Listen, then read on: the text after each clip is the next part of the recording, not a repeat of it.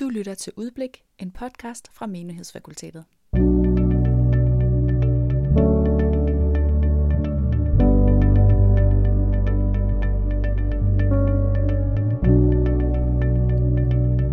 Velkommen til Udblik, Menighedsfakultetets podcast. Mit navn er Simon Mejdal, og jeg er både studerende og informationsmedarbejder her på stedet. Jeg har i dag fået besøg af ingen ringer end Morten Hørning. Morten Hørning Jensen hedder du jo egentlig. Velkommen til, Morten. Ja, tak. Tak skal du have. Morten, du er jo øh, du er ansat her på stedet, du er underviser, og, og lige for nylig er du også blevet professor i det nye testamente. Tillykke med det. Jo, tak også for det. Og, og altså det, øh, der er jo mange akademiske titler. Der er nogen her på stedet, der er adjunkt, og nogen er lektor, og nogen er professor, og, og det, øh, selvom man er her til daglig, så kan det godt være lidt svært at finde rundt i, og det tænker jeg også, det kan være for vores lyttere. Hvad, vil du ikke prøve lige at, at forklare os, hvad er det, hvad betyder det, at du nu er professor? Det lyder så flot. øh, jo, det vil jeg da gerne. Øh, og ja, øh, det, det, det kan man vel egentlig godt sige, det gør, fordi det sådan er, det er sådan ligesom sådan en arketypisk person. Mm. I gamle dage en mand med langt vigtskab, han har sagt, som gik rundt og støvede derinde på universitetet og sådan noget. Det kan man ligesom sådan forholde sig til. Øhm, og øh, hvis nu, så, men, men altså, det roder hurtigt rundt, ikke, som du siger, præcis med forskellige titler og forskellige former for grader, og ja, hvad er egentlig hvad og sådan noget. Ph.D. og doktor, og jeg skal ja. komme efter dig.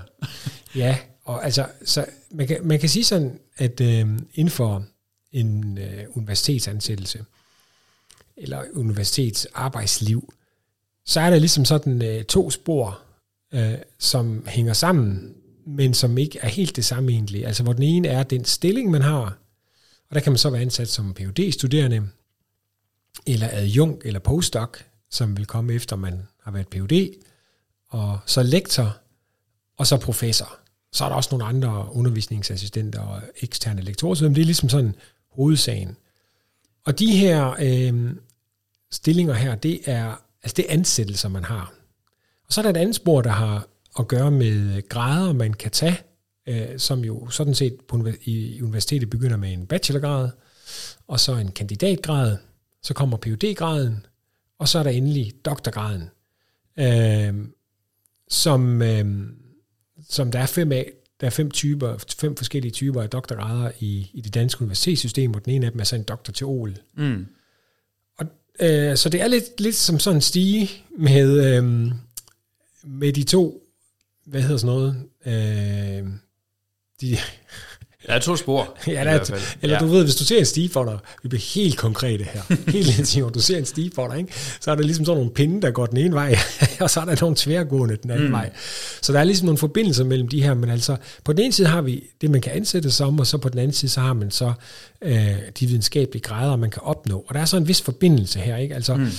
for at blive for at gå fra phd studerende til adjunkt, så skal du så have en phd grad Og for at gå fra adjunkt til en lektor, så skal du have en phd grad plus noget mere. Mm. Og det samme gælder så også, når du skal være professor, øh, og ligesom gå fra at være lektor til at være professor, så skal du have phd graden plus det, du skulle have for at blive lektor, plus noget mere. Mm. Og det der noget mere, det kan så være øh, forskelligt. Altså det kan være, at man har skrevet øh, en stribe af øh, artikler, der bliver ansat i nogle tidsskrifter, hvor de bliver bedømt af andre fagfælder. Det kan være, at man har skrevet en bog, som også er blevet bedømt af fag, øh, andre fagfælder. Og så kan det så være, øh, for det tredje og sidste, at man har skrevet en doktorafhandling. Og det vil så i vores tilfælde være en, øh, en teologisk doktor. Øhm, og det vil så ligge sig ved siden af PUD'en, sådan at man i forhold til professorgraden, som groft sagt kan sige, at man ligesom har to forskningsområder på PUD-niveau inden for det fagfelt, man er. Mm. Det er det, man normalt plejer at sige at det, der skal til for at blive professor, det er, øh, at man for eksempel, øh, hvis vi tager mit tilfælde, ikke, også lavede så øh, Ph.D. og postdoc-arbejde om det herodianske kongehus og Galilea, som meget historisk arkeologisk arbejde. Og nu har jeg så lavet en, en bogudgivelse, øh, som, hvis det går godt, øh, bliver antaget til doktorforsvar øh, inden for Markus evangeliet. Mm. Og det er så to forskellige områder, som så er det, der skal til for at blive professor øh, på en måde. Så Mm. Fordi det er kun den ene ting. Ikke? Man kan sige, for at få en, altså hvis man skal have en doktorgrad, så er det øh, et arbejde, man laver, så er det kun det, man bliver bedømt på det arbejde. Og dem, der sidder og skal bedømme det, de er fuldstændig ligegyldige med, hvem du er. Det skal de også være, og hvad du ellers har lavet. Men hvis du skal være professor, så laver man en, øh, en bred vurdering af de kompetencer, man har, hvor det ene er så de ting, man har skrevet, men det andet, det er, hvad har man inden for undervisning? Og hvad er evalueringen af undervisningen? Mm. Så man skal faktisk lave sådan en undervisningsportfolio. Det skal man også øh, for at blive lektor osv., men det skal man altså også for at blive professor, så man kan se, at man kan, man kan fungere i jobbet som professor på den del, der har med undervisning at gøre. Så er der noget omkring vejledning. Man skal have en øh, vis mængde vejledningserfaring. Og så er der noget inden for administration, hvor man rent faktisk helst skal øh, vise, at man har været i stand til at flytte faget øh, inden, for, inden for det administrative. Så man skal have en, en eller anden form for administrationserfaring. Og det er så fordi, at, øh, Øhm, at en professor normalt får til ansvar at drive sit, øh, sit område. Man bliver ligesom sådan i overført betydning en art afdelingsleder for sit fag. Og, og nogle steder er det virkelig sådan, det er. Det er det for eksempel ofte på medicin og andre steder, hvor når man bliver professor, så bliver man sat til at lede en forskningsindsats, hvor der vil være måske en helt håndfuld phd studerende som arbejder inden for det, man arbejder med, man skal tilse og vejlede og nogle postdoc og så videre. Vi har så ikke helt så stort et forskningsfelt øh, her på MF, og det er heller ikke helt på den måde en tradition inden for humaniora, at man som professor sætter sig på afdelingen, så der arbejder man mere frit som lektor. Øh, men den måde, en professor defineret i Danmark, og den bekendtgørelse, MF har brugt, MF har simpelthen bare brugt den danske bekendtgørelse en til en, der indgår det altså så, at man skal kunne fremme sit fag. Mm.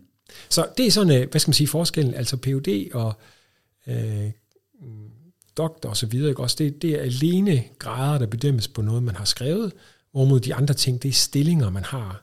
Og her i skal man altså så altså kunne fungere bredt.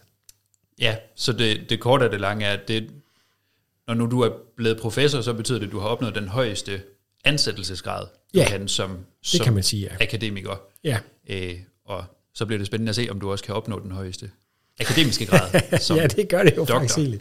Skal vi ikke sige, at vi holder det som en lille hemmelighed her for vores lyttere? Jo. for hvis nu ikke det lykkes, ikke også, så, så må jeg også leve med skammen. Krydser fingre og beder for det, og hvad vi ellers kan. ja, tak.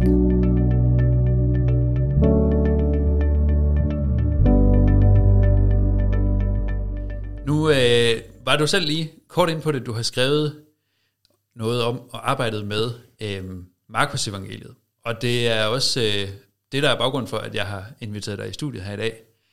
Morten, du har skrevet en bog om evangeliet i Markus evangeliet. Øhm, hvad, hvad betyder evangeliet i Markus evangeliet? Og øhm, en, en øh, stor tyk bog, som, øh, som udkommer på et flot, anerkendt tysk forlag øh, senere i år, hvis jeg har forstået det rigtigt. Ja, ja, den er til opsætningskorrektur nu, og øh, jeg tror faktisk, at hende, jeg er i kontakt med dernede, siger, at jeg får de, de sidste desinger på den del i næste uge. Og så mangler der kun at blive lavet sådan nogle såkaldte indekser om bag til, når, fordi når opsætningen så er på plads, så ved man præcis, hvor hvad skal stå, mm. og så kan man så begynde at tælle op. På den side står det og det og det, og så skal der laves tre indekser. Og så, ja, så bliver det vel øh, måske marts-april, øh, den så ligger i tryk, tror jeg. Spændende, ja. Og det er, jo, det er jo et stort spørgsmål, du har arbejdet med. Hvad, hvad er evangeliet? Altså det er for, for teologien og for kirken og for, for øh, alt, hvad der har med kristendom at gøre, så, så er det på en eller anden måde kernen. Ja. Hvad, hvad er evangeliet? Det er, ja. det er et stort spørgsmål. Ja. Hvor, hvor starter din rejse hen med det her spørgsmål? Altså det, det er jo... Øh, Ja. ja, på en måde er det jo et spørgsmål, vi, vi er, som kristne alle sammen arbejder med. Hvad, hvad er evangeliet? Og, og hvis vi skal tro på det, så Ja. må vi også forstå, hvad det er. Men, men når du nu har, Ja. har lagt så stort et arbejde i det, hvor, Ja. hvor kommer den interesse fra? Ja, øh, jamen det er et godt spørgsmål. Og der er sådan, altså måske i hvert fald øh, sådan lidt et, øh, et dobbelt svar på det. Det ene er, at, at jeg har prøvet sådan at lede mine hukommelser i mine, øh, mine noter i OneNote, hvor når man åbner en note, så kommer der jo en dato på, øh, på hvornår det var, at jeg opdagede, at der var et, et debatemne her, en forskningsdiskussion. Øh, fordi jeg kan helt ærligt sige, og det siger jeg også i foråret til bogen der, at øh, der er sådan et element af ufortjent held ved den her bog fordi at jeg støder ind i problemet på et eller andet tidspunkt, hvor jeg var i gang med at arbejde med noget andet. Hvis jeg bare lige skal til den historie til ende, ikke? Også så, altså jeg, jeg var ansat på det teologiske fakultet her i Aarhus øh, som øh, Ph.D. og postdoc, og øh, søger så en stilling her som lektor, og Peter Legard, han spørger mig så til min første undervisningsforløb, som skulle være et frit forløb i forhold til, nogen, der skulle til at skrive bacheloropgaver, om ikke ville skrive, eller undervise i det, jeg havde lavet postdoc i, altså et eller andet om Galilea og sådan noget der. Så siger jeg, øh, skriver jeg tilbage til ham på en e-mail, nej, det vil jeg ikke. jeg vil til gengæld gerne arbejde med Markus evangeliet, fordi nu skulle jeg til noget andet. Altså min, både mit flyt her til MF, og der hvor jeg var kommet til at sidde, for nu skulle jeg til noget andet. Og, øhm, og det var altså bare sådan, den, altså fra da et jeg startede på MF, så kunne jeg mærke, at øhm, der var også en helt andet ønske blandt de studerende i at arbejde med noget kerneteologisk. Og det kan godt lyde som en kritik af teologi, det er det egentlig ikke. Øh, jeg kunne vel bare have gjort det derovre også, der var ikke nogen, der forhindrede mig i det. Øh, men, men i hvert fald så var der en, en, en stærk efterspørgsel efter arbejde med et eller andet kerneteologisk. Øh, så øh, det første forløb, jeg havde her på MF i foråret 2009, det hed øh, Guds rige og korset i Markus evangeliet det var det mest centrale. Jeg, jeg vidste, at jeg gerne ville arbejde med markedsøkonomi, fordi det havde en gammel kærlighed for tilbage til, da min hustru og jeg som unge teologistuderende, eller jeg var teologistuderende, øh, boede i Israel. Og jeg har så bare lagt mærke til, at øh, i kirkelig tradition, så er man ofte enten korskristen eller gudsrig kristen. Mm. Og, og synes så også, at det var nemt at lægge mærke til, at i markedsevangeliet, der er de to ting, som for os bliver enten det ene eller andet, du må ligesom vælge her. Øh, det er ikke modsætninger, men hvad skal vi sige, medsætninger i Markus evangeliet. Så hele undersøgelsen der i det der frie forløb frem mod bachelor, det var at finde ud af, hvordan de her to ting forholder sig til hinanden.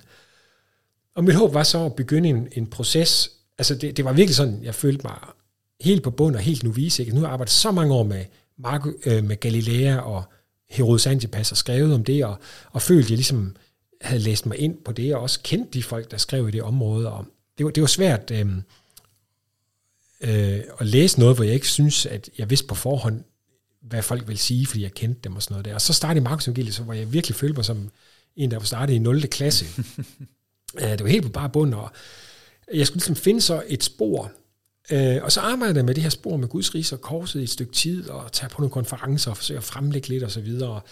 Øh, og kan ikke rigtig sådan lige helt finde øh, melodien i det.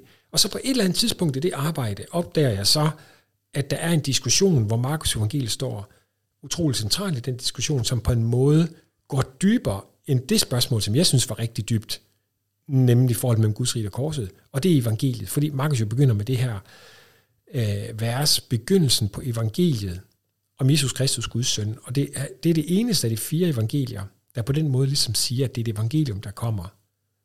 Det, det er faktisk på grund af det vers, at vi kalder dem evangeliet. Det kalder de sig ikke selv overhovedet. Øhm, Jamen, han, han gør det nærmest en overskrift, ja. At ja. Det, det er allerførste, der står, når vi åbner Markus evangeliet. Det er begyndelsen på evangeliet. Lige præcis. Mm. Så man kunne næsten tage det som en, en genre-titel, eller en bogtitel. Mm. Og det blev det så også. Det er det i hvert fald til, ja. historie. Så jeg opdager den der diskussion på et eller andet tidspunkt, og jeg tror, det er, ifølge min OneNote-noter, så er det i 2012, jeg opdager den. Mm. Og øh, det gør jo så, jeg laver, altså jeg laver så også alt muligt andet på det her tidspunkt. Jeg var deltidsansat øh, til at lede et kursus i en kirke omkring teologistuderende, og øh, der var jo meget undervisning. Og, så det er ikke sådan, det var sådan fokus lidt on og off. Øh, men jeg opdagede det på et tidspunkt, og, og øh, begynder så efterhånden langsomt at få styr på, hvad det er, jeg gerne vil. Øh, og skriver lidt nogle prøvekapitler, og også nogle kapitler, der ikke er blevet til noget. For eksempel har jeg et kapitel liggende op på mit kontor, der jeg tror, det er enten 70 eller også så er det 90 sider, det, det sidste værre end det første, der handler om renhed. Øhm. Fordi jeg håbede ligesom at kunne lave en forbindelse fra min Galilea-forskning, der sluttede med noget med renhed. Og renhed spiller en vis rolle i Markus evangeliet, men ikke, måske ikke så tydeligt, som jeg gerne vil have den til. Så der ligger sådan 3-4 måneders arbejde med at skrive det kapitel, som bare ligger op på. Jeg tror nok, jeg holdt en to-tre foredrag om det, og det var så det, var så det, det er i hvert fald dem, jeg har brugt mest forberedelsestid på i mit liv. øhm, men altså, jeg finder så ud af, hvad det er, jeg gerne vil, og, og der er noget med kill your darlings, altså der er noget, som så ikke bliver, for det kan blive skarpt, og mm. det bliver så det evangeliet. Det, det er det ord i Markus evangeliet, der bliver mit fokus, Og da jeg er ligesom når til ende med hele den proces og får min, øh, min endelige disposition, så er vi sådan faktisk ved at være fremme i, i 2018 og 2019 øh, agtigt, hvor corona rammer. Mm. Så lige da corona rammer, der starter jeg på en måde forfra med kapitel 1, og har så den disposition, der viser at holde, og øh, skriver så egentlig bare hver dag derfra. Øh, nogle gange skulle jeg have lidt online undervisning, men øh, der var jo ikke noget, der forstyrrede. Man kunne nærmest cykle midt på vejen ind til MF om morgenen, i hvert fald den første tid. Ikke? Herinde, der var vi øh, husinspektøren og måske en enkelt eller to andre. Der var virkelig ikke nogen Mm. i den første nedlukning i hvert fald. Øh, man kunne ikke få bøger over på statsbiblioteket, det blev så efterhånden et problem. Det fik de så åbnet op for, men så der var ligesom sådan en, en nedlukningsfase, som så var held i uheld lige, lige for mig personligt der, Mm. fordi det gav en fokusperiode, som så gjorde, at jeg ligesom fik skrevet det hele færdigt og igennem og på ny, og for, for, for første dag, så at sige, øh, frem til ja, frem til nu, eller sidste år øh, ved påske, hvor jeg indleverede det til, til forlag og, Mm. og doktorbedømmelse. Men, nu spurgte du, altså, hvor, hvis jeg, nu- så, så, så det er sådan, hvad skal man sige, det er sådan OneNote-svaret, altså hvornår begyndte jeg at arbejde med det her? Mm. Hvis man nu kigger længere tilbage, og det er jo, man skal nok altid passe på, mm, når man sådan backtracker, fordi ens hukommelse, den er jo ikke så god, som man går og tror, man putter Den er alt nem at muligt- manipulere med. er nem at manipulere med, ikke? Og man putter alt muligt ind i den. Men altså, når vi nu er i gang med at fortælle ting, der ikke må fortælles videre her, ikke? Øhm, så, kan, så kan jeg sige, at jeg er begyndt at skrive på en lille bog om evangeliet, øhm, som jeg håber øh, kan udkomme på et dansk forlag i måske i løbet af i år. Øhm, som, hvor, øh, der, jeg har ikke lavet en endelig aftale med forlaget, så hvis nu vil være med at røbe det, så, er det, så bliver det kun en halv hemmelighed her. Men hvor den redaktør, jeg har talt med, der, han har meget udfordret mig til at prøve at gå over i den anden halvdel af hjernen, og prøve at fortælle det, jeg gerne vil sige i afhandlingsbogen, så personligt som jeg kan. Mm. Altså prøve at finde ud af, altså, hvor, hvor er det det her, det har været en hjertesag for dig. Prøv at forfølge det, og så fortælle det så personligt, som du kan. Og så få det faglige ind i det personlige. Så det har jeg også, den udfordring har jeg måtte tage op. Mm. Og, og begynder bogen på øh, gågaden i København en mørk fredag aften i det herrens år 1993, inden jeg begyndte at læse teologi, hvor jeg arbejdede for Indre Mission som gadeevangelist øh, med noget, der hed Tale Malebræt, som var, Det er vist fra før min tid. Ja, det er absolut. Det er fra før, at vi havde strøm nærmest. Altså, hvor man tog øh, et stykke vispapir og sat op på en tavle, og så gav man sig til at tegne og tale et eller andet evangelisk pointe, der var så meget i øjenhøjde med de folk, der gik forbi, at øh, det var spændende nok til, at de havde lyst til at stanse. Og den oplevelse der af at forsøge at formidle, skal vi sige, evangeliet, eller det kristne budskab, på få minutter, i forståelig dansk, øh, altså den blev egentlig øh, livsforvandlende for mig, eller den satte en impuls i gang i mig, som i hvert fald var med til at begynde at læse teologi. Det blev så i Aarhus godt nok. Altså, dengang skulle man også sejle med ask eller urt, hvis man skulle til København, så det var forfærdeligt langt væk. Øh, men jeg tog impulsen med tilbage øh, til mit teologistudie, altså det her med, hvad, altså, vi er nødt til at finde tilbage til grundsubstansen, til grundstoffet i det kristne budskab, for at finde ud af, hvad, som, hvad der er så at sige unødvendigt, eller hvad der er traditionelle måder at sige tingene på, men som ikke er bindende, hvis vi skal gøre budskabet relevant i en ny tid, og, og kunne sætte det ind i den sammenhæng, der er vores. Så det var jeg rigtig meget optaget af som øh, teologistuderende, at stille de der grundlæggende spørgsmål. Og det bliver så koblet med forskellige andre ting, altså også øh, med arkeologien og så videre, som egentlig også tror jeg er drevet af det, altså med at prøve at se, øh, hvor langt kan vi komme ned til roden Mm.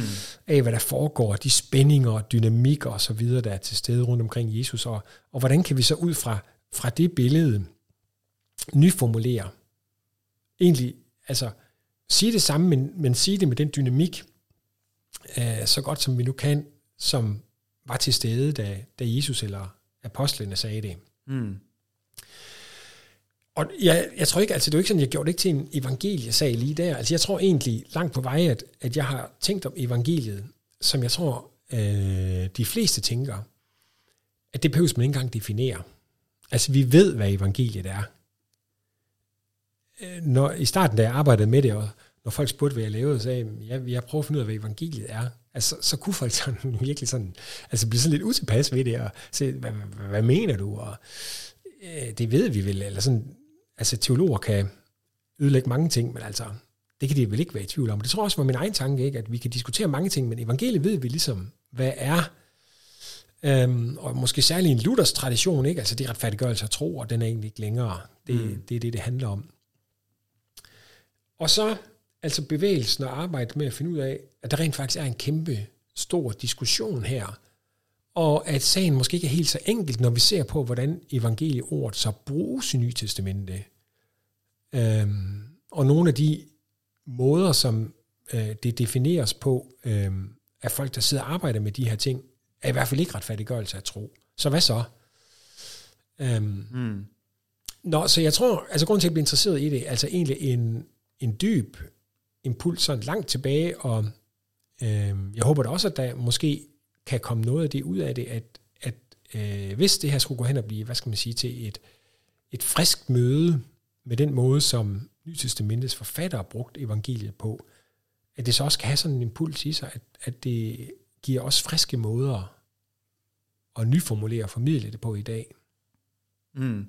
Ja, så du, du har hele vejen været, hele vejen igen været drevet af et ønske om at, at gå til kernen og, ja, og, sådan, og, det tror jeg egentlig. Og finde ind til det, det inderste af, ja. af, hvad vi egentlig mener ja. med evangeliet. Ja, og der er det jo også øh, rammende at, at øh, netop arbejde med Markus evangeliet, fordi så, så vidt vi ved, det er det ældste mm. af de fire evangelier i Bibelen, vi har. Øhm, det er ligesom kirkens allertidligste brug af det ord. Øhm, så, så det er jo også at, at gå til kernen, gå, gå helt tilbage og sige, da, da man begyndte at kalde budskabet om Jesus for evangeliet, øh, hvorfor brugte man så det ord? De, yeah. de gode nyheder, de glade nyheder. Hvorfor, hvorfor var det det? Øhm, det er jo virkelig at, at gå lige til sagen. Ja.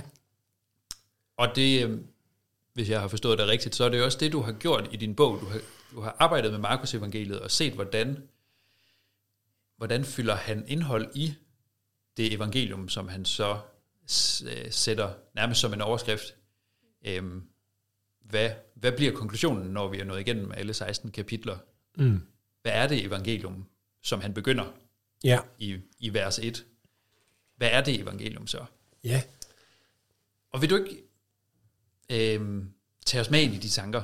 Jo. Morten? Hvad, hvad, hvad, det, det er jo et stort spørgsmål at stille. Hvad, hvad er du kommet frem til? Ja. Øhm, hvad er evangeliet så? Ja, når ja, du ja. har skrevet en hel bog om det. Ja, kan, kan, man, kan det lykkes en, en teolog at nå frem til en konklusion? Ja, det er et godt spørgsmål. det er et godt spørgsmål, ikke? Ej, jeg har faktisk... Øh, øh, mit, mit sidste afsnit i bogen, det er kun øh, 10 linjer langt, øh, og jeg tror, jeg kaldte det noget med The Gospel in a Box. Så hvad mm. er så evangeliet? I, in a box, som man siger på engelsk, øh, øh, på, en, på en one-liner.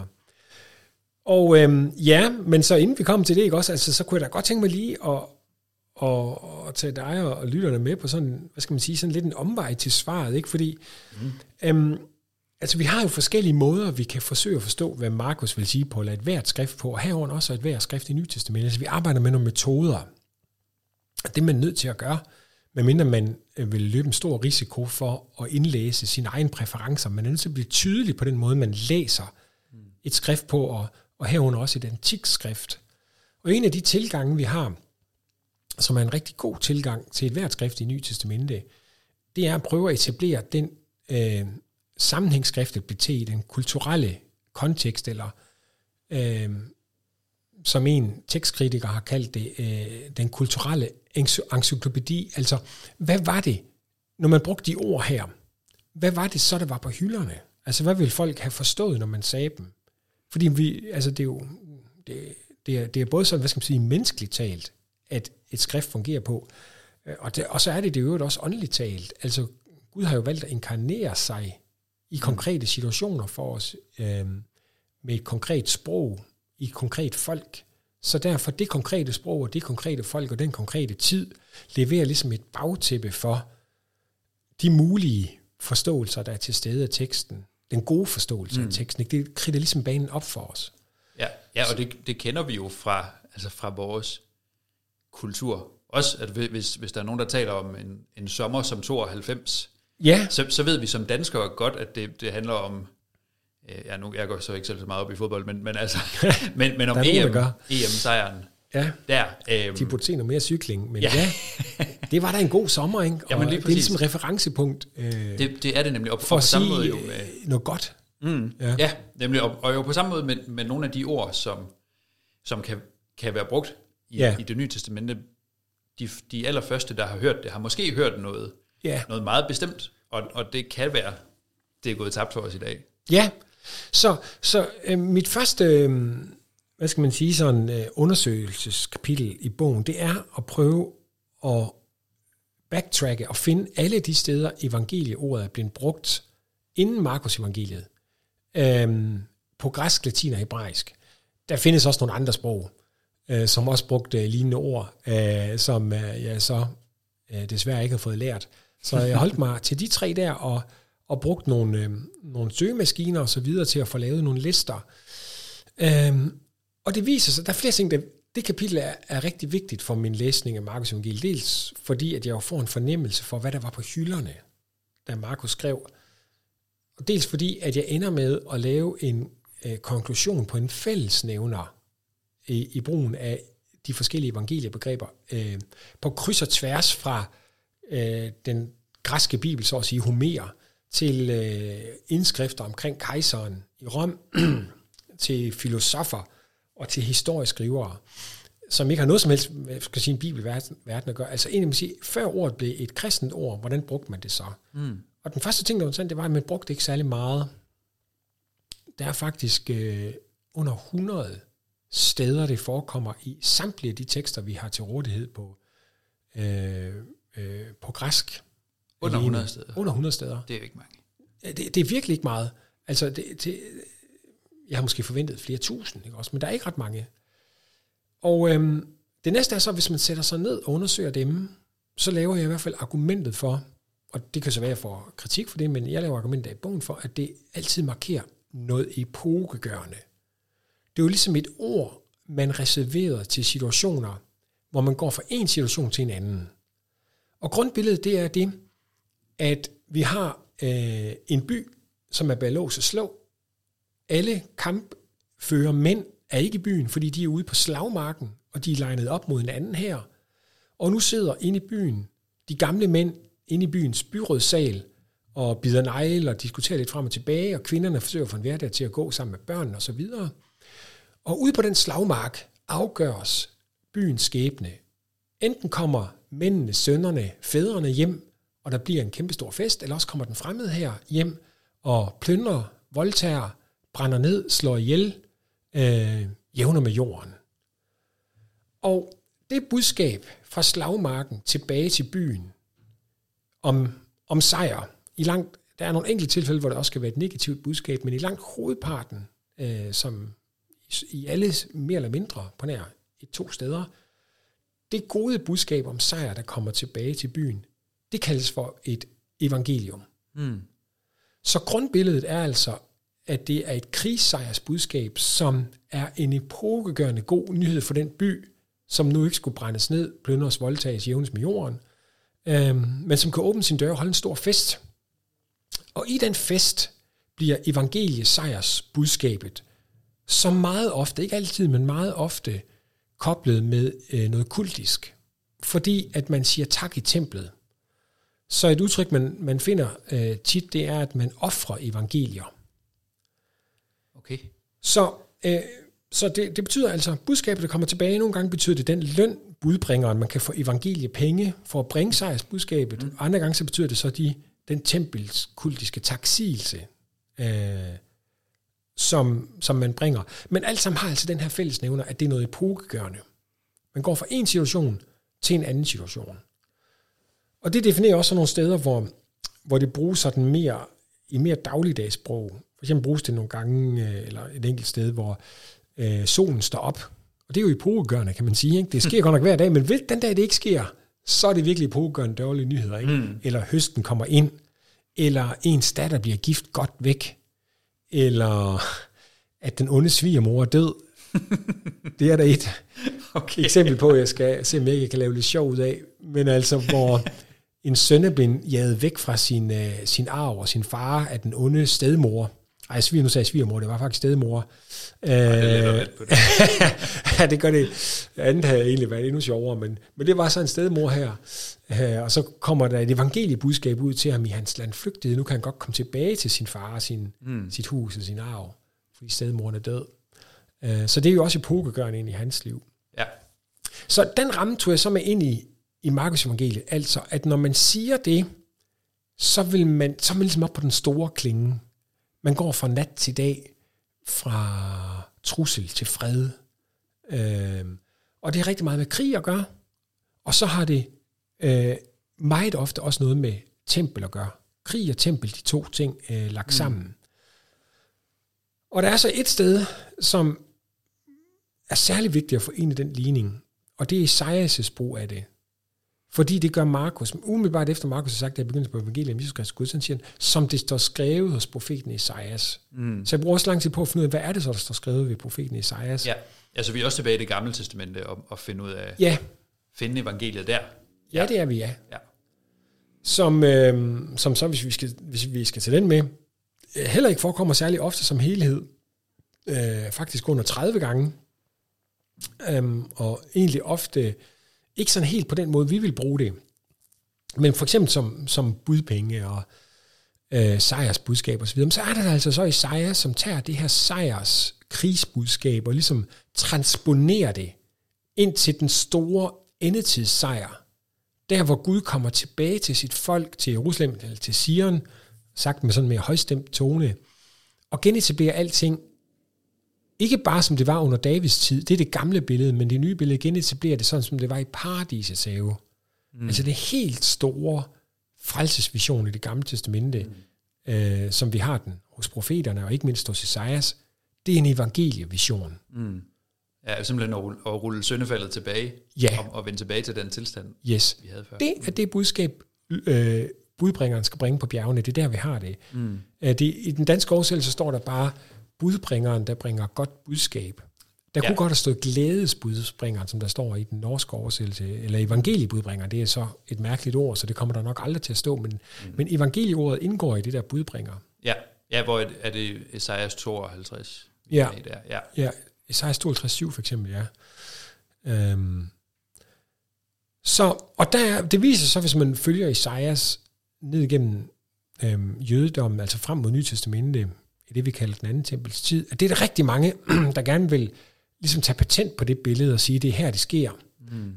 Det er blandt andet en af bevæggrundene for øh, dødhavs øh, f- fællesskabet, eller sekten, eller hvad vi vil kalde det, som tager ud i ørkenen. Fordi det er derude, det begynder. Øh, øh, Herren kommer tilbage gennem ørkenen, som skal blomstre. Mm. Det er lige præcis i håbet om at være den isaianske opfyldelse, at de gør det. Så når Markus begynder sit evangelium der, med evangeliet og med Esajas, øh, så skriver han altså ind i en, en meget konkret historie, en meget konkret forventning, som handler om, at Gud skal komme til stede blandt sit folk, og der skal reetableres et nærvær og en relation, som var i Edens have. Mm. Var, var det særlig stærkt herop, altså øhm, op mod den tid, hvor Jesus så kommer, en, altså en forventning om, at, at nu, nu, nu var det også på vej, nu, nu ville det virkelig ske, nu var det ikke kun længere øh, en fjern fremtid, men, men Gud ville virkelig komme. Ja, altså, det er der faktisk rigtig meget, der tyder på. Øhm, der var en meget vigtig politisk sejr, som også var religiøst motiveret, cirka 150 år før Jesus bliver født, øh, som man som almindelig bibelvæser ikke måske sådan lige kom forbi, fordi den, den nævnes ikke, øh, men den spiller en enorm rolle for Nytestamentets tid, nemlig øh, den makabæiske opstand mod grækerne, som fører, de havde gjort uh, templet i Jerusalem uh, omkring år 167 før Kristus, der havde de gjort det til Zeus tempel, så de havde sådan set nærmest nedlagt jødedommen. Mm. Og hvis ikke nogen havde gjort noget, så er det historisk sandsynligt, at så var jødedommen simpelthen blevet assimileret ind i den græske kultur. Altså jødedommen var bare blevet noget, vi havde læst om i historiebøgerne, ligesom så mange andre folkefærd er blevet optaget i noget andet. Tusindvis af folkefærd er egentlig bare ligesom blevet smeltet ind i en større enhed. Så jødedommen var truet på livet, Og de, de laver så et oprør, øhm, som genetablerer templet tre år efter, og som, øhm, det er ikke helt til, hvad der kommer først, hønnen og ægget, men som føder eller også omvendt er betinget af en vækkelsesbølge i det jødiske folk, der er lige omkring den her periode, hvor man for alvor begynder at gå op i ens arv, og i at tolke loven rigtigt osv. Og, og rigtig meget af den vækkelse, den er også messiansk, eller båret af de her endetidsvisioner. Så derfor så finder vi øh, reference til Esajas øh, alle mulige steder. For eksempel i, i Dødhavsrullerne, så er det så langt den mest citerede bog. Det er også den, der bevarede flest eksemplarer dernede. Og i, i deres egne skrifter, når de skal sige, hvad vi laver her, jamen vi, vi, vi baner herrens vej. Ban herrens vej i ørkenen, så det er det, vi gør, og det gør vi så ved at, at læse i loven, som der står. Mm. Så der var en stor optagethed af det her. Hvordan øh, fortsætter Markus så sit, sin evangeliefortælling? Han, han starter med Esajas og siger, det, det, er den, det er den fortælling, jeg fortsætter nu. Ja. Det er den, jeg vil, jeg vil fortælle klimaks på. Yes. Og der kan man sige, altså med den ramme her, er vi egentlig måske allerede ved at, at begynde at fornemme lidt, at, at det med Guds rige og korset øh, øh, ikke kan være modsætninger. Altså fordi evangeliet i det gamle testamente har jo altså så rigtig meget med Guds rige at gøre. Guds retfærdighed, Guds sejr. Ja, det, det er, at Gud er konge. Ja. Der står også rigtig stærkt i Ja. evangelievisionen i, i Esajas bog, ja. Simpelthen. Altså det er det, som øh, budbringeren skal råbe der. Øh, øh, Herren kommer til dig, din Gud er konge, din Gud skal regere. Det er det, der står der i Esajas 52, 7. Så øh, der er ikke noget evangelium uden en rige, uden en konge, uden en sejr. Det er simpelthen ganske enkelt det, det betyder. Mm. Og det er jo det, man forventede. Og, og når vi går ind den vej fra, så, kan vi lige, så bliver terningen lige pludselig vendt om. Altså vi, vi, vi, derfra, hvor vi læser, så tænker vi, jamen, det er jo korset, det hele handler om. Det må jo være det, som er pointen i evangeliet. Men hvis vi går ind den der vej, så det, er jo det, Markus skal overbevise sin læser om, at korset har en betydning ind i den ligning. Altså, hvordan kan Guds rige oprettes gennem Jesu død på korset? Altså, hvordan kan det andet end være en blind vinkel, eller en blindvej? Øhm, evangeliet har jo at gøre med sejr, det ved vi. Det har det altid. Alle 98 brug, eller hvad det bliver mm. til, ikke også? Og alle 28 brug i det gamle testamente osv., de er alle sammen noget med en krigssejr at gøre. Så kan korset være en sejr. Det bliver, så at sige, det fokuspunkt, øh, når man går ind den vej, man kan se, at Markus han forfølger og forsøger at, øh, at gøre tydeligt for sine læsere, at det er lige nuagtigt på korset, at Jesus er kongen. Det er lige nuagtigt, at den vej, han, han vinder sejren. Så det, det er i hvert fald en rigtig, en rigtig spændende ting, øhm, vi, vi kan tage med så langt her. Ikke? En, en anden spændende ting, øhm, som, som jeg også ligesom har haft med som en provokation, er, øhm, at det blev hurtigt klart for mig i mit arbejde, at Markus Evangeliet har fået øh, en del kritik for at have en uklar frelseslærer. Mm. I hvert fald ikke en, øh, en frelseslærer, som ligesom er tilfredsstillende for, for sådan, som vi gerne vil læse frelseslæren. Og det der problemet, det er, at der ikke står noget sted i Markus Evangeliet, at Jesus dør for synd. Faktisk optræder synd ikke ret meget. Der er en øh, hændelse i kapitel 2, hvor Jesus han øh, tilgiver den lamme, der bliver firet ned igennem taget. Øh, han synder. øh, og så er der noget mod synd mod helgenen i, i kapitel 3. Og, og så er der en enkelt notits øh, i kapitel 11, der handler om, at menigheden har en myndighed til at tilgive. Men det er egentlig det. Der er ikke ligesom sådan, hvad skal man sige, et tolkningsord, som tydeligt siger, at Jesus dør for synd. Mm. Sådan som for eksempel har det tydeligt i, i Matthæus evangeliet, øh, og Johannes evangeliet, og, og også i, i Lukas evangeliet. Så hvad foregår der lige der? Hvis Markus altså er den af de fire evangelier, som tydeligt vil fortælle evangeliet, og, og det er han, det, det er så en anden overraskelse, mm-hmm. at hverken Lukas eller Johannes bruger ordet. Mm. Øh, og Matthæus bruger det kun fire gange, altså evangelieordet. Okay. Ja. Øhm, hvorfor har det så ikke noget at gøre med, at Jesus dør for synd? Mm. Det bør det da have. Ja, for det, det skuer jo i vores, vores lutherske ører, at altså, ja. hvis evangeliet er retfærdiggørelse af tro, Ja. ved, ved søndernes forladelse. Eller hvor, hvorfor i alverden Ja. er det så ikke her? Altså det havde da været lidt lettere, hvis Markus bare havde skrevet det sort på hvidt. Ja. Og simpelthen ikke også. Og der kan man jo, øhm, så kan man gøre to ting derfra, ikke? Altså man kan, man kan sikkert gøre flere ting, ikke? Men altså, man kan, man kan jo blive øh, provokeret af det på en måde, hvor man så øh, hopper og danser og spiller på fløjte, for at se, om man ikke på en eller anden måde alligevel kan finde det. Og, og der er også noget godt i det. Og det har man også øh, så ofte gjort, øh, og særligt forsøgt at lave en forbindelse til Esajas 53, og så sige, jamen hvis nu Markus han så fremstiller Jesus som den, øh, den lidende tjener i Esajas 53, så ved vi jo så i hvert fald fra Esajas 53, at han lider på grund af synd, på grund af folkets synd. Øhm, og, og udfordringen der er så, at der er antydninger af Isaiah 53 nogle steder, men Markus citerer ikke Isaiah 53. Han citerer derimod salme 22 og Exodus, øh, 2. Mosebog kapitel 24 og Zakarias øh, kapitel 13, når han ligesom skal sige, hvad Jesu død går godt for. Men ikke Isaiah 53.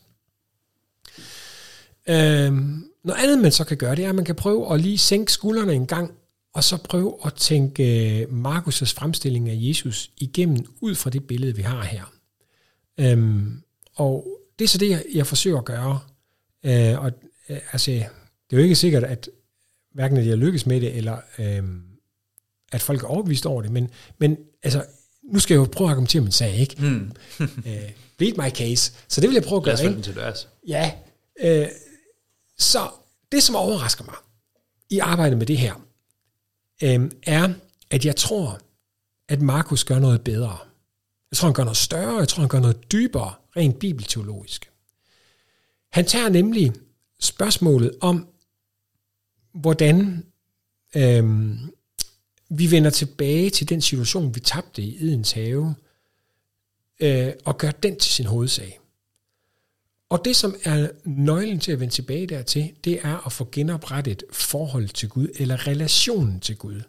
Det var jo det, Adam og Eva havde. Altså, jeg synes jo egentlig, at man kan sige, at det sørgeligste vers overhovedet i Bibelen, det er der, hvor, hvor Gud efter syndefaldet går rundt i haven og ikke kan finde Adam. Mm. Spørger efter Adam, hvor er han henne? Altså, der er kommet afstand imellem dem. Han har tabt relationen. Han kan ikke se dem. Man kan ikke se Gud i øjnene. Og det er, hvad skal man sige, syndefaldets inderste konsekvens i den bibelske teologi, det er, at man kan ikke se Gud uden at dø af det. Der er ligesom spærret for den relation. Mm. Og derfor, når vi forskellige steder i det gamle testamentets historiefortælling ligesom har sådan nogle toppe, hvor man har et glimt af, hvad Gud egentlig gerne vil, så handler det altid om, hvordan man kommer Gud nær. Og, og templet i Jerusalem er jo en af de ting, der ligesom giver sådan en toppe. Der kan man komme frem foran Guds ansigt. Og den agnitiske velsignelse, som vi har, som vi slutter vores gudstjeneste med, det er jo en gammel israelitisk velsignelse, som blev lyst øh, morgen og aften i templet. Og, og det kom folket for, fordi at det var, der repræsenterede præsten Guds ansigt. Men øh, det allervigtigste sted i det gamle testamente, det er på Sinai-bjerget, som er alle templers tempel, templernes moder i det gamle testamente. Mm. Og der er der i 2. Mosebog kapitel 24, en, øh, altså for mig, øh, altså jeg kan selvfølgelig have læst det før, det kan også være, at jeg har set det som flanellograf billede, tænker jeg, i søndagsskolen. Men det var altså faktisk et chok at komme tilbage og læse, hvad der virkelig står. Fordi det, der står, det er, at efter at paksblodet er blevet øh, udgydt og stænket på alderet på folket, så går 70 af de ældste længere op på bjerget på folkets vegne og har et måltid, hvor der står direkte, at de så Gud. De spiste og drak og så Gud. Mm. Og det er altså i kapitel 24. Kapitel 33, der er det, at Moses gerne vil se Gud, og, og Gud må sige, men det kan du altså ikke. Det går ikke. Men jeg kan holde dig for øjnene, og så kan du se mig bagfra. Men der er altså lidt sådan en exceptionel situation her i pagtslutningen, Mm. som markerer, hvad det er, pagten egentlig vil.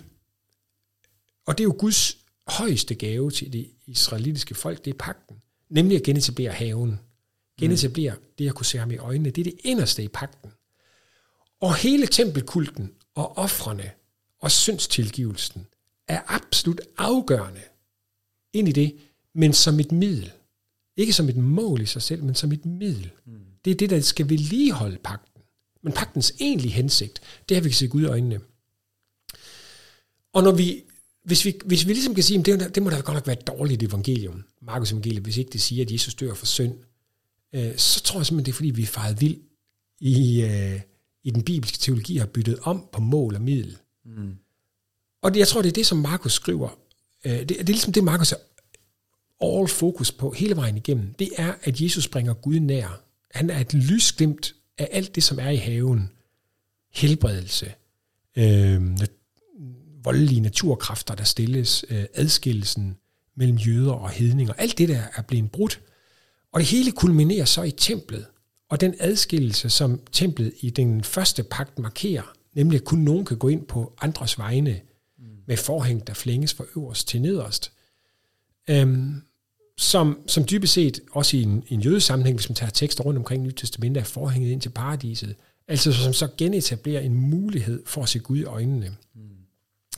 Og i, i, i Markus evangeliets evangelie og kontekst, og det bliver så egentlig, altså efter den her lange snak, man sige, på kort form, hvad er evangeliet så? Jamen det er venskab med Gud. Det er nærhed med Gud. Det er relation med Gud. Det er, den, det er den allerhøjeste gave, man kan få i en bibelsk teologi. Det er det, som haven handler om. Det er det, som Sinai handler om. Det er det, som templet handler om. Det er det, som pakten handler om. At vi så ind i det har brug for tilgivelse af vores synd, øh, det er absolut. Og øh, øh, jeg, er, jeg laver også et argument i bogen for, at det øh, er også implicit i Markus' måde at sige øh, og fremstille Jesus på. Øh, han, han fokuserer bare på hovedsagen. Fordi når man har, altså han vil sige, ja selvfølgelig. Fordi hvis du har hovedsagen, så er du også i den situation, at du er, du er tilgivet for din synd, så er du bestænket med blodet, ikke? så er du mærket som en, der må komme frem foran Gud. Mm. Øhm, så man kan måske sådan enkelt talt sige ikke også, at vi skal, altså det der har været min egen overraskelse godt, det er at få faktorerne vendt rigtigt. Mm. At øh, evangeliet er ikke i sig selv retfærdiggørelse, tro eller tilgivelse. Men det er venskab med Gud. Mm. Men det er også retfærdiggørelse og tilgivelse af Gud. Det er en del af pakken. Det, det, det er den vej, vi går på Jeps. indtil det venskab. Absolut. Mm. Der er ingen tvivl om det. Og, øhm, og Markus har også nogle udsagn, som, øh, som, øh, som gør, at det han siger absolut ikke står i modsætning til det, for eksempel Jesus skal dø som en løsesum. Mm. Øhm, selvom det måske mere er hent, et billede, der er hentet inden for en retssal, og det at skylde noget osv., ikke? også så øh, har det også, så klinger det med i det, at det også har at gøre med øh, en tilgivelse af det, man skylder. Mm. Øh, så er der så andre skrifter i Nyt Testamentet, som så gør den side med tilgivelse af synd mere tydelig, øh, og det, øh, det skal vi leve fint med. Mm at, der er, at, at vi har brug for, for det fulde kor, for at se helheden. Ja, helt bestemt. Men, men vi, man kan måske næsten sige, at vi, vi på den måde med, Markus, øh, med evangeliet, i Markus evangeliet, øh, lige fortsætter i, i det her spor med at gå, gå helt til kernen. Mm. Ja, det kan man jo gå, egentlig. Gå til kernen af den kristne tro ved at ja. se på evangeliet, og, og gå til kernen af det ved at tage det, det allerførste evangelieskrift, mm. og så går vi til kernen ved ved, af, af budskabets indhold, at det, det er, kernen er ikke syndstilgivelsen. Den, den er central, men, men kun fordi den leder til kernen, ja. venskabet med Gud, relationen til Gud, det, hvor, hvor der ikke er noget imellem ja. Gud og, og det menneske, han har skabt til fællesskab. Ja, kernen evangeliet er, at Gud han vil være vores ven. Mm. Og det synes jeg faktisk er et fantastisk evangelie. Det er faktisk et, øh, øh det, det tillader mig også at skrive i, i bogen der, altså, øh, it's a beautiful gospel, mm. at, øhm, at Gud han sætter så meget ind på at genetablere øjenhøjden med os, og, og møde os i haven. Det er virkelig et, et glædeligt budskab, et ja. evangelium. Mm. Ja.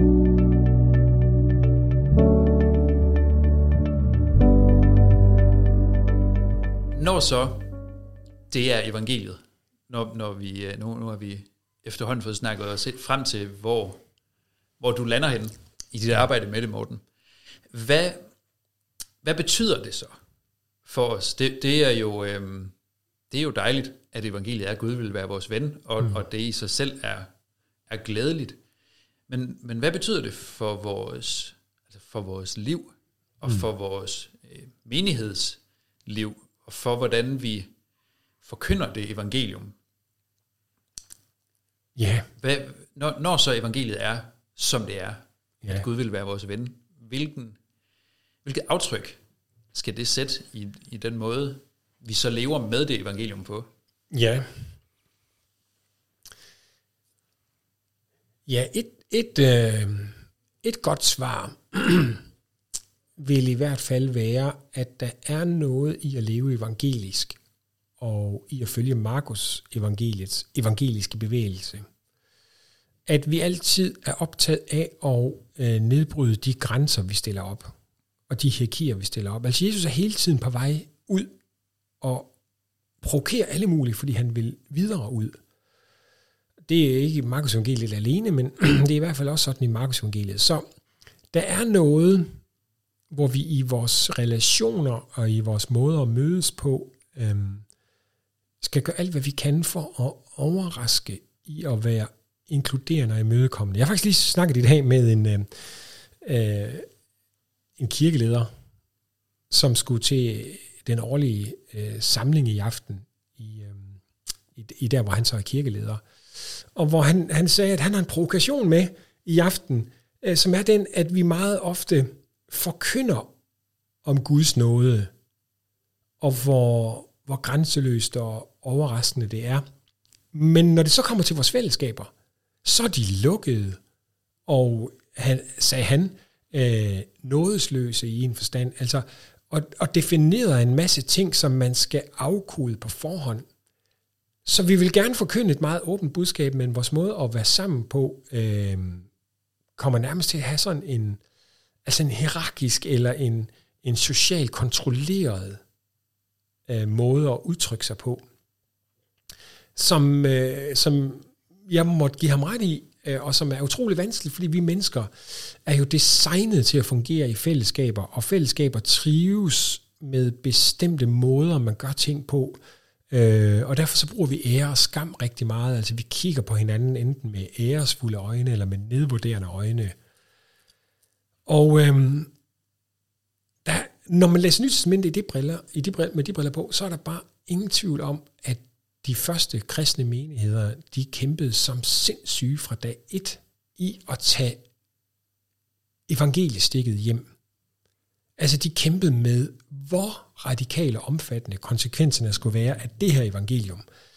At Jesus på en komplet måde, fuldstændig, og hvis vi vil bruge nogle lutherske termer, uden vores gerninger og fortjeneste, tilvejebragte den situation, hvor vi kunne se Gud i øjnene.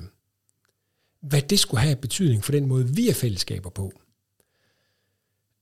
Altså, for eksempel, hvis vi tager Apostlenes Gerning kapitel 2, hvor der er den her fantastiske beskrivelse af den tidlige menighed, som jo giver sådan en fornemmelse af en menighed, der faktisk lykkes med det her, altså om enhed og fællesskab og kærlighed og gensidige tjenester for hinanden, som alene ved det sender et signal ud, øh, som gør, at folk slutter sig til den her bevægelse. Mm. Det er jo faktisk langt på vejen egentlig svale i, i hele Nyt Testamente. Hvis vi så går ind i Paulus' breve, hvor vi har en masse evangeliske udsagn om, hvad er, og så en masse formaninger om, hvad ikke er, man skal være, som ofte går på det her med, at de skal tage det ind. Et eksempel kunne være øh, Paulus' beskrivelse af samlingerne i Korinth, hvor han siger, at den måde, de mødes på, faktisk er ved at omgøre det hele. Altså det er som om, at de mødes på en måde, som annullerer nadverens betydning. fordi når de mødes, så mødes de hierarkisk. De mødes godt nok i menigheden, fordi så meget har de dog forstået, ikke? at uanset om de er rige, om de er romere eller de er grækere, eller om de er kvinder, om de er slaver, om de er fattige, om de er syge eller ej, så, så kan de mødes. Men de mødes i klikker. Der er nogen, der har så meget til rådighed, at de drikker sig fuld, siger han direkte. Øh, han siger, tag dig godt hjemmefra, og æder sig med det. I den ene ende af nadverbordet, eller fællesskabsbordet, og så i den anden ende, der sidder fattige, øh, som måske går sultne i seng. Så det her evangelium om Guds venskaber og det grænsesprængende, øh, der er i det, og den store klinge, altså evangeliets store klinge, det er ikke bare ligesom er én ting, at det du har gjort dig personligt, den enkelte, dernede på den række, det er retfærdiggjort. Men det rent faktisk er helhedens genskabelse. Det er tilbagevenden til haven. Det betyder, at det budskab kan man ikke modtage, uden at man som helhed bliver involveret i det. Det må spejles ind i vores liv. Og derfor så må det gøre noget ved fællesskabet. Det har så at sige en vandret dimension, en vandret konsekvens, som Paulus forsøger med al magt. Nogle gange soft masserer han det ind, hvor lækkert evangeliet er. Men andre gange så tager han forarmerne og slår løs på dem og skælder dem ud. Mm. Øh, og nogle gange truer han dem lige frem, øh, som i Galaterbrevet, ikke? Øh, at de må, de må tage det her ind øh, for den måde, de lever på. Mm. Og det er ikke hokus pokus, det er bare svært. Altså det er ikke hokus pokus, det er egentlig bare at the end of the day, det dobbelte kærlighedsbud. Altså, mm. øh, vi skal elske Herren, vores Gud, af hele vores hjerte, og hele vores styrke, og hele vores sind, og vores næste som os selv. Det er evangeliet. Mm. Jamen det er det, og, og det er jo en, en udfordring hele livet igennem at, at få, det, få det vendt rigtigt, men, men det gør det netop med, med det her budskab, at, at Jesus har gjort det, der skal til, mm. for at vi kan se Gud i øjnene, for at, at, øh, for at Gud kan være vores ven, for at den relation er, er som den skal være, og derfor, derfor kan vi også gå ud og, og leve det liv, han kalder os til, og leve det liv, der, der spejler, mm. at, at ja, Gud vil være min ven, mm. han vil også være ven med med ham, jeg sidder ved siden af, mm. og han vil være ven med ham, jeg ikke kan lide. Ja. Og, og det, det må gøre noget ved den måde, jeg ser mig selv, ser andre mennesker og, og Gud i forhold til, til det hele på. Ja, og hvis, altså hvis vi synes, det er svært i dag, så skal vi egentlig bare tænke på, øh, hvordan det var i de første menigheder, hvor man havde et samfund, der var ekstremt hierarkisk. Meget, meget mere end hos os. Altså, der gives jo kirkelige navne, ikke? Også, så det kan godt være i nogle steder, så hvis man har det efternavn, så har man en vis forrang andre steder, det og så videre. Ikke? Så vi har da, vi har da visse ting, og ikke mindst hvis man er teologistuderende eller teolog, ikke? Også, altså, okay, ja. så får man en, en plads højere ved bordet og så videre. Øhm, men altså i datidens romerske verden, kunne du se alene i den klædning, du har på, hvilken rang du tilhørte. Og der vil være folk i en menighed, som ejede andre folk, som vi ejer ting, øh, måske endda endnu mere, end som vi ejer dyr, og som med et knips med hånden, kunne faktisk korsfeste de her personer om eftermiddagen, som de havde været til møde om formiddagen. Hvis det var det, de ville, de skulle ikke spørge nogen. Det var simpelthen deres rettighed. Mm.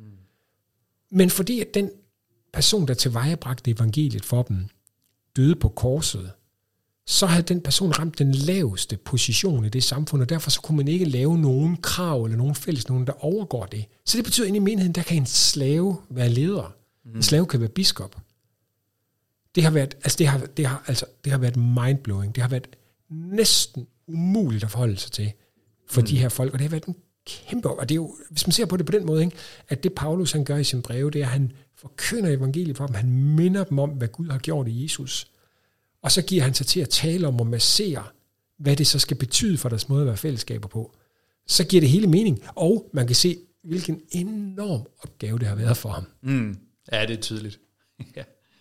Men, men det er jo rigtigt, det er jo virkelig et, et paradoks, altså, hvis vi som kristne skulle kunne se ned på ja. nogen som helst, ja. for, fordi ham vi tilbærer er ham, der har sat sig selv lavest af alle. Ja. Det, det, det giver os virkelig grund til at, ja. at elske ja, alle det mennesker. Det. Ja. Og altså, måske en tanke mere, ikke? Altså, nu tænker jeg nu, at vi vil være så langt, at nu er der nok alligevel ikke flere lyttere med, så jeg vil så godt lige stramme skruen lidt, ikke? Og, og blive en anelse mere provokerende her mod slutningen. Så vil jeg sige, altså det vi taler om her, det med altså evangeliet som den store klinge, det store budskab om, øh, om Guds frelsesværk fra have til have, så at sige, med korset i centrum, men ikke som punktum. Øhm, og dermed også indbefattende vores liv som kristne. At det hænger sådan sammen, når man ikke kan adskille det. Ligesom man ikke kan adskille korsets diagonaler, det hænger sammen. At vi ikke har været særlig gode til det i vores, øh, i vores lutherske, og måske i virkeligheden vores øh, lutherske tradition, som vi er en del af, øh, men har fået de ting adskilt, øh, det tror jeg rent faktisk har sat nogle rigtig, rigtig dårlige frugter. Altså, at troen og livet er blevet adskilt, at vi, vi har ligesom isoleret evangeliet alene til at være det, vi modtager, og ikke haft evangeliets liv med. Det tror jeg rent faktisk har sat nogle rigtig dårlige frugter. Så vi skal forkynde evangeliet øhm, som det er kvitt og frit og grænsespringende provokerende, og vi har slet ikke forstået evangeliet, før vi vil provokeret. det. Okay, okay er, det, er, det, er, er det så frit? Øhm, men der gives altså ikke et eneste skrift, og, og i hvert fald ikke Markus evangeliet, som ligger meget fokus på, hvad det her det betyder for disciplene. Og Jesus spejler det, han gør over på dem, inklusiv tag jeres kors op og følg mig. Øhm, så der gives ikke noget evangelium, der ikke skal omsætte sig i kærlighedens liv. Og det vi har fået de to ting adskilt, både hvad skal man sige, bredt i folkekirken, men også i vores øh, mere pietistiske øh, tradition, øh, hvad alt den ellers har stået for gode ting og, og luthervækkelse og så videre, det tror jeg, han faktisk har sat nogle rigtig dårlige frugter. Vi har ikke formået at holde de her to ting sammen. Og så bliver folk forvirret. Jeg skal jo ingenting, men jeg skal alligevel en hel masse. Det er bare usagt. Og så bliver efterfølgelsen meget mere til nogle punkter, og så i øvrigt social kontrol. Mm. Så der er altså ingen lov mod gode gerninger. Der er ingen lov mod kærlighed i Nye Testamente. Øh, der er ingen lov mod at, at spejle Jesu liv på andre mennesker. Øh, der er rent faktisk et påbud om det. Mm. Og det er et evangelisk påbud. Og det tror jeg måske også, det er en del af, af det her, som vi måske skal arbejde lidt med. Altså vi, at, det, at, at selvom at hvis vi isolerer evangeliet til retfærdiggørelse og tro, så siger vi noget rigtigt, men vi siger ikke noget fuldt, så kan vi rent faktisk godt, selvom vi siger noget rigtigt, komme til at, at få en misvækst i vores menigheder, som, øh, som sætter nogle dårlige frugter. Mm. Ja, for det, det er jo, altså på, på den måde kan vi jo sige, at, at korset stadigvæk øh, symboliserer evangeliet for os. Det har både en, en lodret og en vandret bjælke. Mm. Altså evangeliet handler både om, om mit forhold til Gud, at mm. han vil være min ven, og et liv i kærlighed. Det, det, er mm. ikke, det er ikke et vedhæng til evangeliet. Det, det er en totalt integreret del af det. Mm. Det, det kan ikke skilles ad. Nej. Det synes jeg er en stærk pointe.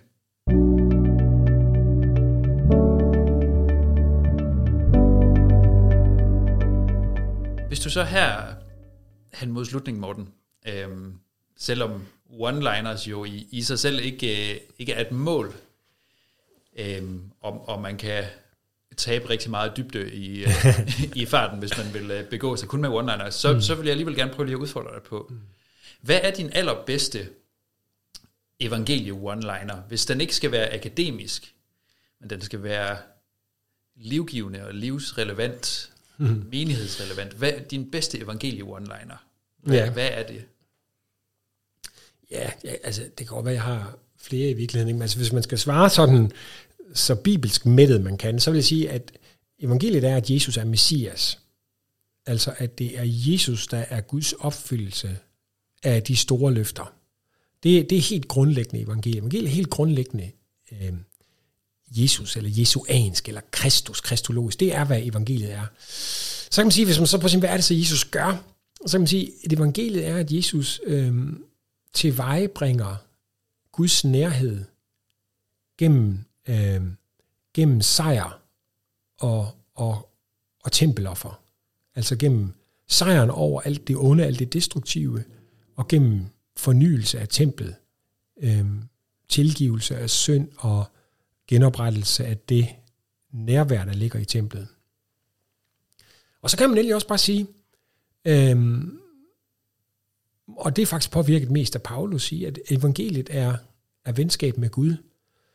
Øh, Paulus bruger en øh, fantastisk, øh, et fantastisk ord for det, som ikke er i Markus evangeliet, men det, det tror jeg så egentlig godt, det kunne have været, hvad skal man sige, sådan rent teologisk set. Øh, I 2. Korintherbrev siger han, lad jer forlige med Gud. Og det ord, lad jer forlige med, det er et venskabsord.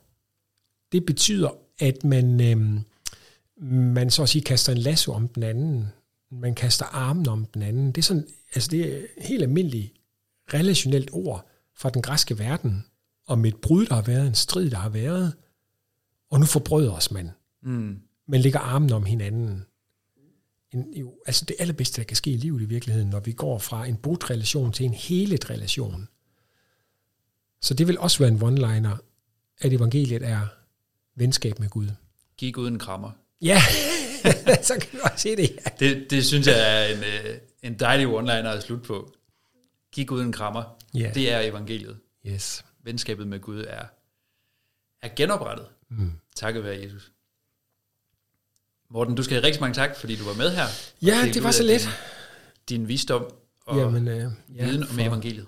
Hvad der er. Men øh, ja, jamen tak for det, og tak for muligheden for at dele lidt om det, jeg sidder og arbejder med i corona-isolationen og mere til. Det er dejligt at høre om her på den anden side af det. Ja. Tak til dig, der lyttede med. Jeg håber, at du har fået noget nyt om evangeliet til både til hovedet og til hjertet og til livet.